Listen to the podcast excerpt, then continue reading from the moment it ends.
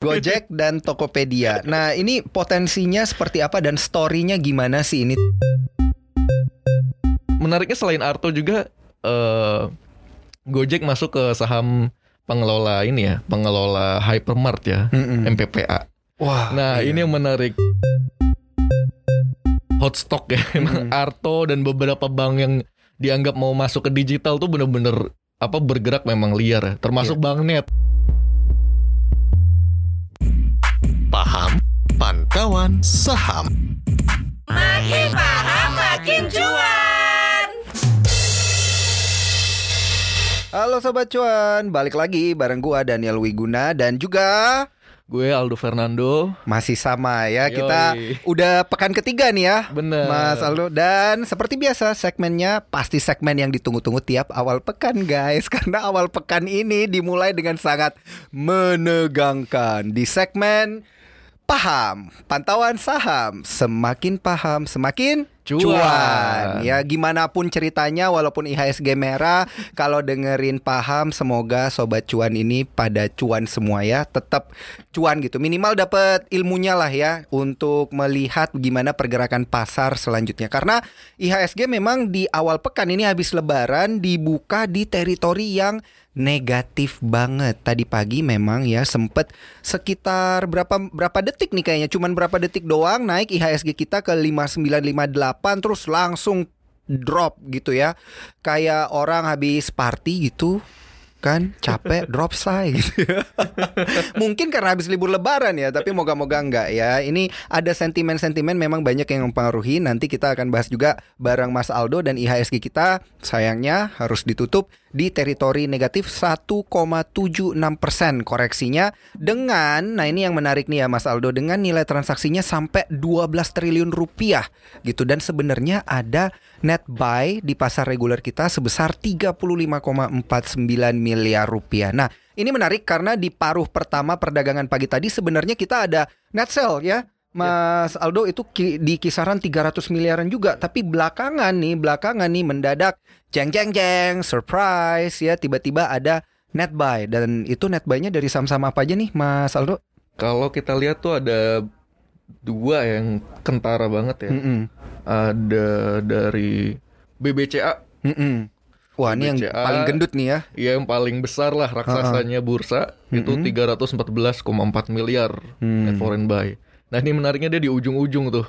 Udah di ujung sepanjang- Detik-detik terakhir detik ditarik terakhir gitu ya. Ditarik ke atas akhirnya bisa naik 0,31 persen.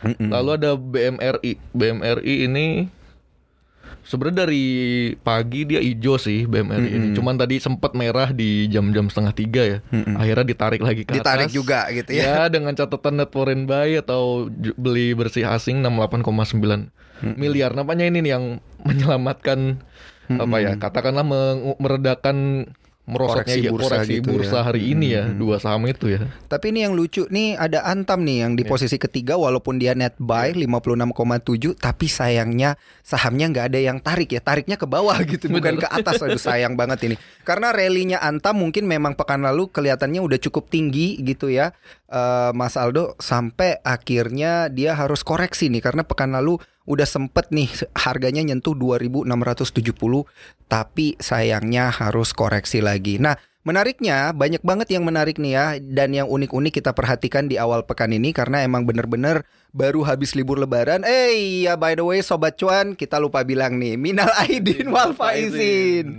Mohon maaf, lahir dan, batin. Semoga sehat-sehat selalu, semoga sukses dan cuan selalu ya sobat cuan. Nah, ini kalau kita lihat ya pergerakan balik lagi nih kita ke pergerakan indeks harga saham gabungan banyak banget nih sebenarnya yang kita bisa perhatikan gitu ya dan isu-isu kita di pekan ini eh, seperti yang udah ditulis juga di newsletternya CNBC Indonesia ya ada sentimen apa aja sih sebenarnya ini yang sepertinya sudah ditunggu-tunggu ya sama pasar begitu sampai pas pasar buka itu investor langsung sell off gitu Iya. jualan jualan jualan ada apa ini sebenarnya Mas Aldo? Sebenarnya kalau dari sentimen negatif tetap soal inflasi yang sudah beberapa waktu terakhir menghantui ya inflasi Iya. Amerika Kita Serikat. udah bilang ya dua Iya. pekan berturut-turut tuh inflasi, inflasi, inflasi. itu seperti hantu ya. Kalau Iya, kata ini memelintir omongan Pak Jenggot nih Iya, ada iya, hantu iya. ada Waduh. hantu yang meng Ya gimana ya?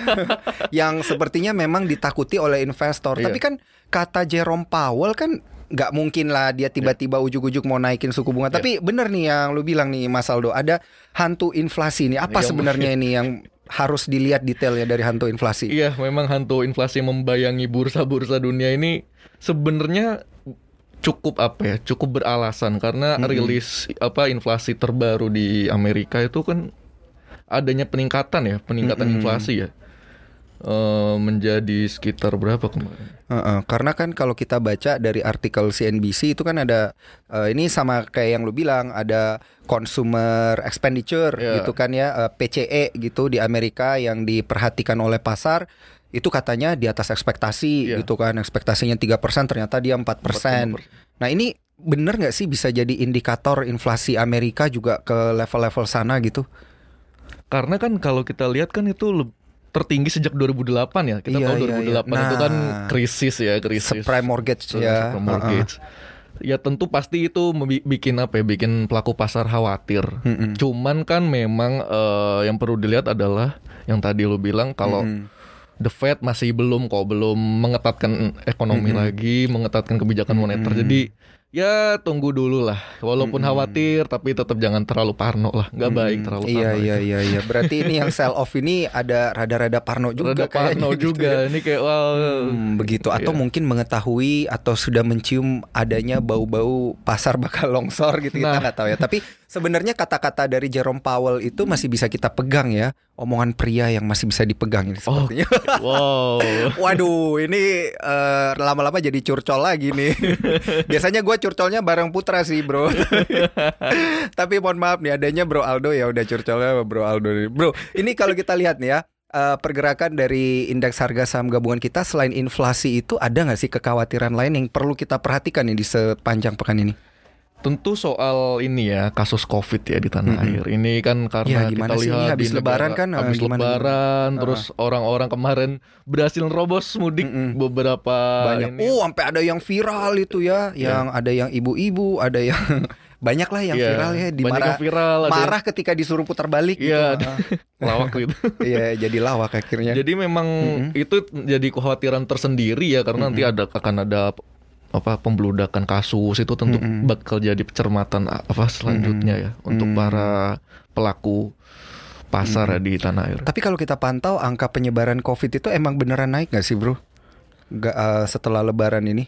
Karena itu kalau kita lihat kalau gue sih ngelihatnya cuman pas eh, diindikasikan ketika eh, pemudik-pemudik tuh dites COVID Mm-mm, ternyata cukup besar juga gitu orang yang terkena Oh, COVID. Nampaknya itu yang iya, baru iya, gue iya, lihat iya, sih. iya. Kalau untuk detailnya gue belum. Ini kan ada juga nih di di Instagramnya Iya. CNBC Indonesia ya katanya 60% gitu Iya. pemudik ternyata positif. Waduh. Iya.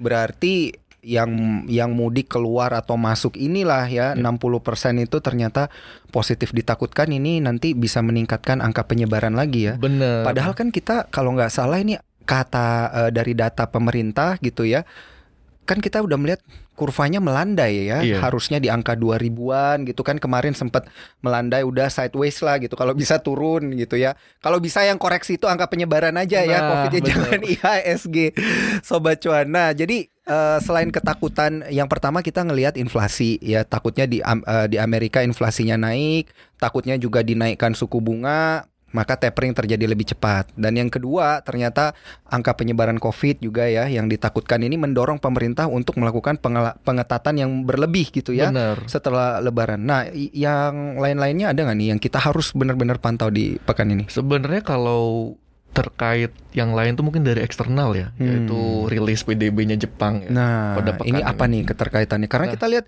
Jepang juga koreksi dalam juga tuh Iya. satu persen juga kan? Satu persen. Heeh. Jadi diprediksi masih masih koreksi ya satu persen, 1,1 sampai 1,3 lah. Ini nunjuk menunjukkan kalau ya negeri samurai bakal nampaknya bisa berisiko resesi lagi. Ini tentu Waduh. itu tentu bukan sinyal yang baik kan Iya, untuk iya, negeri ya Asia ya, Mm-mm. kawasan Asia. Tapi kalau kita lihat dari hubungan dagang kita dengan Jepang ini sebenarnya akan mempengaruhi banyak nggak sih, bro?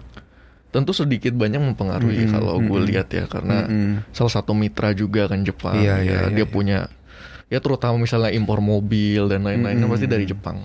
Hmm, iya benar iya. juga ya otomotif, barang Otomotif, elektronik gitu juga ya. elektronik, Iya. Iya iya. Jadi kalau mereka aja sampai resesi bisa-bisa permintaannya turun Iya. kita juga ya. Im- Impactnya bakal ke Indonesia juga. Nah, ini kalau kita lihat dari ketiga itu lebih banyak juga kita menantikan rilis PDB dari Jepang. Kalau yang internal-internal lagi ada nggak nih yang perlu kita waspadai di sepanjang pekan ini? Kalau pekan ini itu sih hanya COVID sih Mm-mm, mungkin hanya yang perlu COVID kita aja ya. lihat ya. Mm-mm. Mm. Kalau pekan ini ya. Mm-mm. Berarti kalau koreksi IHSG di pekan ini kita bisa bilang technical correction nggak juga ya sell off ya ini ya? Iya, ini sell off Mm, ini. Sell off karena tadi udah nyaris emang benar-benar nyaris 2% gitu Benar. kan. Tadi sempat sempat 2% kan, terus Mm-mm. naik lagi. Mm-mm. Meng- Oh iya berkurang sempat 2 maksudnya. persen ya berkurang karena level terendahnya ternyata ada di 5.817 gitu ya dan ini dalam banget moga-moga besok rebound gitu Mo- karena set- kalau kita gambar-gambar nih ya eh, secara teknikal gitu emang ada support tadi di 5850-an terus ternyata ada support kedua di 5820-an tembus lagi 5817 ditakutkan bisa ke 5735 karena beberapa eh, minggu yang lalu begitu ya eh, atau beberapa bulan yang lalu deh ini kalau kita lihat nih Mas Aldo nih di bulan April nih pernah nih eh, IHSG oh bukan ternyata bukan di bulan April kita pernah ke balik nih ke 5700-an Yap. gitu ya oh bener nih di bulan April ya kalau nggak salah 5735 gitu nah ini ditakutkan kalau beneran terjadi bisa ke level itu sebagai supportnya ya. Moga-moga tidak terjadi seperti itu. Tap, eh, soalnya kan kita kalau ngelihat ini ada net, net buy asing sepanjang tahun ini masih ada lah ya. Ada. Masih ada gitu. Jadi masih ada eh, investor asing kok sobat cuan ya yang bertahan di pasar kita karena secara year to date net buy kita di pasar reguler masih 2,06 triliun. Nah, kita sekarang beralih ke saham yang menarik nih untuk kita Ya. perhatikan di sepanjang pekan ini karena ada sentimen yang menarik juga nih setelah lebaran tiba-tiba ada Gojek gitu di hari di hari pembukaan ini ya. Setelah lebaran itu ada Gojek yang tiba-tiba mengannounce uh, terkait dengan uh, kerjasamanya begitu Yap. ya dengan Tokopedia. Namanya GoTo. Gitu. Atau Goto. Goto, iya apa ya? Gimana ya kita bilang? Inggris atau Indonesia Gak nih kita tahu bilang ini. ya, ya. ini mainin kita ini kalau kayak gini. Iya. GoTo. Goto aja ya. Goto aja kali. ya. Versi Indonesia. Versi Indonesia, Ya. Oke. Gojek dan Tokopedia. Nah, ini potensinya seperti apa dan story-nya gimana sih ini terkait kalau saham kan pasti keterkaitannya sama Arto ya, Bang Jago. Ini eh, seperti apa nih ceritanya di balik itu, Mas Aldo? Tentu kan ini kan omongan lama ya soal Mm-mm. apa merger Gojek dan Tokopedia terus dibarengi dengan saingannya ya Hmm. Grab yang juga ingin listing di bursa luar Iya. makanya Amerika ya dengan SPAC uh, perusahaan cek kosong iya. katakanlah Uh-uh. SPAC dan juga nampak-nampaknya kan nggak hanya dua dua itu nggak hanya Gojek dan Tokped ada Traveloka dan katanya Bukalapak Iya. bakal IPO Waduh, ini kan omongan-omongan lama kan dan Uh-uh. sudah rumor sudah berapa kali kita ya sebentar lagi sebentar lagi PHP enggak sih kan Iya. gitu ini jangan-jangan omong-omong aja kosong. Taunya akhirnya hari ini hari ini diresmikan gitu kan. Heeh. Memang sih omongan-omongan kemarin sih katanya "Oh, se- sebentar lagi kok bentar lagi. Yang pasti ini mempengaruhi banyak ya karena pertama kita lihat Gojek ini masuk juga ke beberapa ke beberapa ini ya, ke beberapa saham ya. Kalau kita terlepas dari merger itu, seperti misalnya dia masuk ke saham Bank Jago. Hmm. Ampun Bang Jago. Iya iya iya iya. itu dia masuk akhirnya sedikit banyak nampaknya mempengaruhi ini ya gerak saham Bank Jago itu sendiri atau saham Arto hari ini. Hmm, banget. Ya dia naik 1,90% ke 10.700. Mm-mm. Kita tahu kan Gojek itu memiliki sekitar 21% ya Mm-mm. melalui dompet karya anak Anak bangsa, bangsa, ya, heeh. atau apa itu? Dompet GoPay ya, GoPay ya. GoPay, iya. GoPay ya. Dia Heeh. masuk pu- 21%. Jadi sedikit banyak mempengaruhi lah beberapa Hmm. saham. Selain menariknya selain Arto juga eh Gojek masuk ke saham pengelola ini ya, pengelola hypermart ya, Mm-mm. MPPA. Wah. Nah, iya. ini yang menarik. Ini saham PPA, memang sudah sudah MLPL. M- dan M Hot ya, stocks. Iya. mantap. Heeh, heeh. Gimana gimana tuh Iya. cerita di balik itu? Ya sebelumnya kan memang beberapa minggu lalu tuh sudah diisukan eh ini saham. Jadi ceritanya ML M, MPPL nih, MLPL maaf. Mm-mm. Multipolar nih kan mau jual saham. Mm-mm. Punya dia. Multipolar ini kan induknya dari Matahari kan, dua Matahari. Mm-mm. LPPF dan MPPA. Eh mau jual sekitar 11 persenan lah. Nah, Mm-mm. dari 11 persen ini ada tiga pembeli Mm-mm. saham multipolar yang dimiliki di MPPA ini. Nah, Oke. dari tiga itu ada satu nama yang nampak-nampaknya kok ini kok alamatnya sama ya kayak alamat Gojek. Nah, Hmm. Awal-awal pihak Gojek ini tidak ini tidak mengakui kalau itu ber- terafiliasi dengan Gojek ya. Oh. Akhirnya beberapa hari lalu ya itu apa terkonfirmasi kalau itu adalah Gojek dan itu ikut mendongkrak juga ya sentimen multipolar dan Hmm. Oke. saham multipolar dan MPPA hari ini. Ah. jadi ini sebenarnya waktu itu Gojek emang suntik dana gitu ya Iya. atau mau kerja sama Dia masuk masuk, beli Masuk- saham. masuk beli saham tapi dia awalnya nggak mau ngaku gitu Iya. ya. Oh gitu. Terus tiba-tiba dar hari ini. Iya. Hari ini dua, makanya lucu juga efeknya ke multipolar dan MPPA termasuk LPPF ya kayaknya Iya, hijau iya, juga iya, dan iya, iya, iya. efeknya ke ya Arto dan lain-lain. Iya iya ini iya. iya, lucu iya. nih dual Ah, ah. effects of Gojek. Ah, ah. Nah, satu apa satu investor itu ya istilahnya Iya. ya atau kerjasama dari satu perusahaan ini ternyata ada di dua perusahaan lain Iya. juga di dua kaki. Efeknya juga macam-macam. Kita mulai dulu nih. Kita mari kita perdalam yang bagian Artos ya. Ini karena kan seperti yang Mas Aldo bilang tadi ini ceritanya udah lama. Hari ini Arto ditutup di 10.700. Tadi bahkan sempat ke 11.025 guys.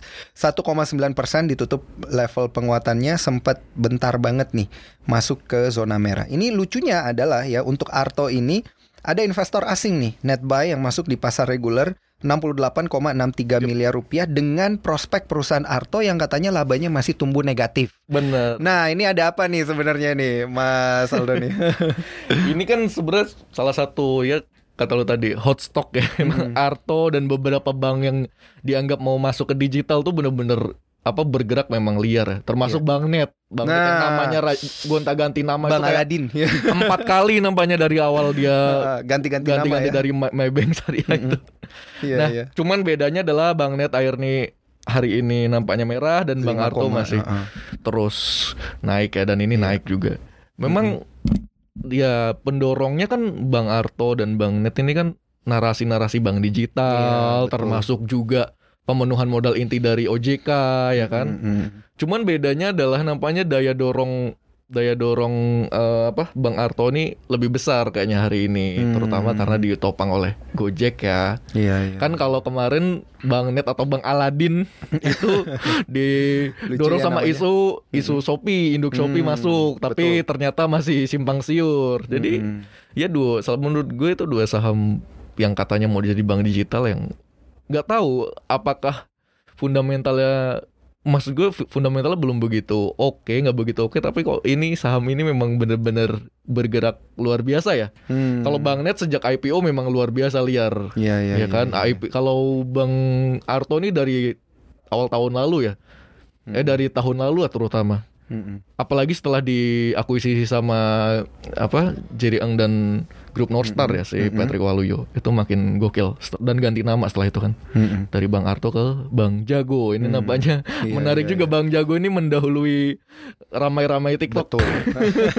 itu gokil dia kayak punya ahli nujum dia ahli ramal Menarik ya ini kalau kita lihat perkembangannya dari Arto sendiri terus ke depannya bakal gimana nih? Apakah ceritanya udah selesai sampai di sini ya gitu? Karena kan kita juga nulis nih di Iya. cnbcindonesia.com dahsyat. Gojek Tokopedia merger kuasai 2% PDBRI gitu ya. Ini memang sih kalau kita lihat eh, dan juga pasti sobat cuan bertanya-tanya, kenapa sih kok masif banget gitu ya Goto atau ya GoTo go to.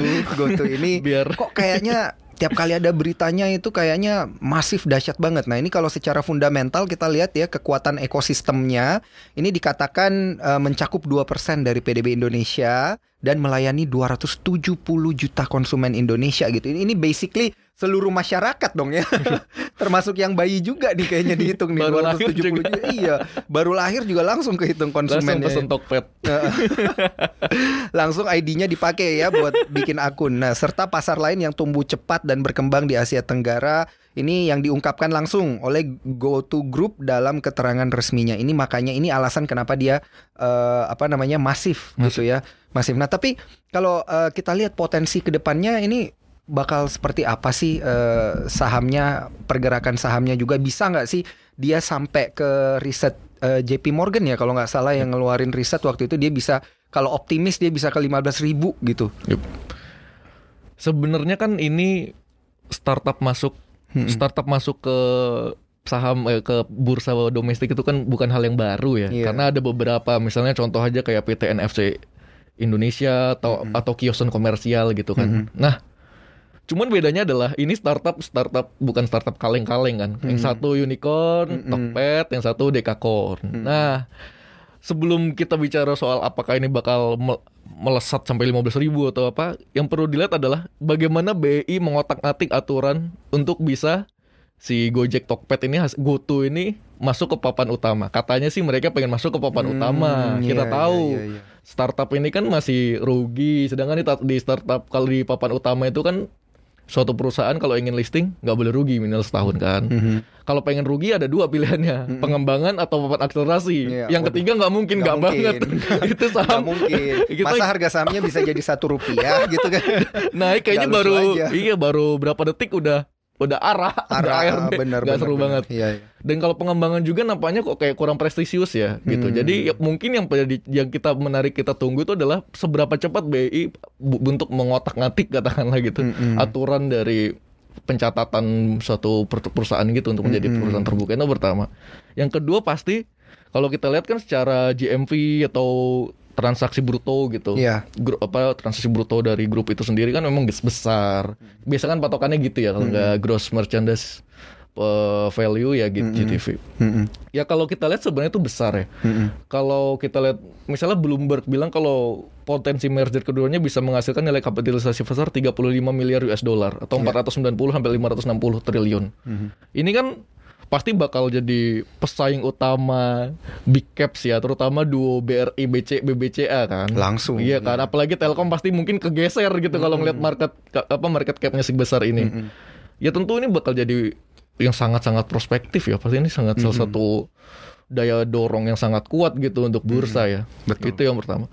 Yang pasti kita perlu lihat juga pasti hitung-hitungan dari apa ya? Dari valuasinya juga kita pasti bakal beda ya. Kalau misalnya kita bisa lihat PBV atau PER Iya, ini udah nggak bisa lihat ini nggak bisa. Mungkin price to, to revenue kan? Atau price to sales kita nggak tahu. Gimana ya kan? gitu ya, misalnya kita lihat lihat dari dari revenue-nya gimana gitu. Atau misalnya eh, aturannya juga kan yang menghambat ini kan kan biasanya kalau papan utama tuh harus punya tangible assets kan. Tahu kan mereka ini punyanya intangible assets Iya, atau betul. aset yang tak berwujud. Nah, ada dua PR ternyata yang perlu dilihat oleh BI kan. Pasti ini lagi digodok nih itu aturannya untuk bisa masukin ini ya kak apa? Ini emiten Emiten kelas kakap kelas gitu ya. kakap ini Ah, katakanlah ya gitu. masuk. Dan ini juga emit berarti langsung jadi emiten teknologi terbesar Wah, gitu ya di benar. tanah air gitu ya. Mungkin mereka bukan yang pertama, Iya. tapi mereka akan jadi yang terbesar gitu ya.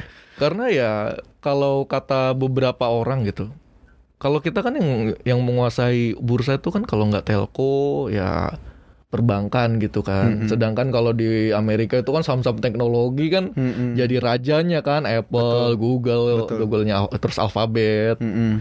Nah ini sebenarnya bisa jadi milestone baru ini ya kan raksasa teknologi atau mungkin katakanlah e-commerce Iya. masuk buat jadi buat menghajar pemain-pemain lama gitu kan dengan bisnis yang menggurita. Katakanlah Gojek punya punya lengan di perbankan juga gitu Iya, dengan iya, lewat iya. Bang Arto dengan 21% sahamnya dan juga masuk juga mungkin sedikit walaupun nggak besar ya ke MBPA 4 4, sekian persen. Mm-mm. ya walaupun nggak di atas 5 tapi tetap ini ini menu- menarik juga gitu prospeknya tentu walaupun ini cara hitung-hitungannya beda dengan perusahaan konvensional katakanlah tapi yang menarik adalah valuasinya yang yang benar-benar luar biasa antara- Berarti kita benar-benar memang masih harus nunggu bagaimana kebijakan dari Iya. bursa efek ya, secepat apa kemudian permasalahan-permasalahan Iya. sistem itu bisa ditemukan Iya. solusinya gitu ya. Nah, Bro, ini kalau eh, dari Gojek nih kita beralih ke saham selanjutnya kan ada MLPL dan juga MPPA yang tadi juga lu bilang Iya. ternyata eh, beli sahamnya juga nggak gede-gede amat gitu.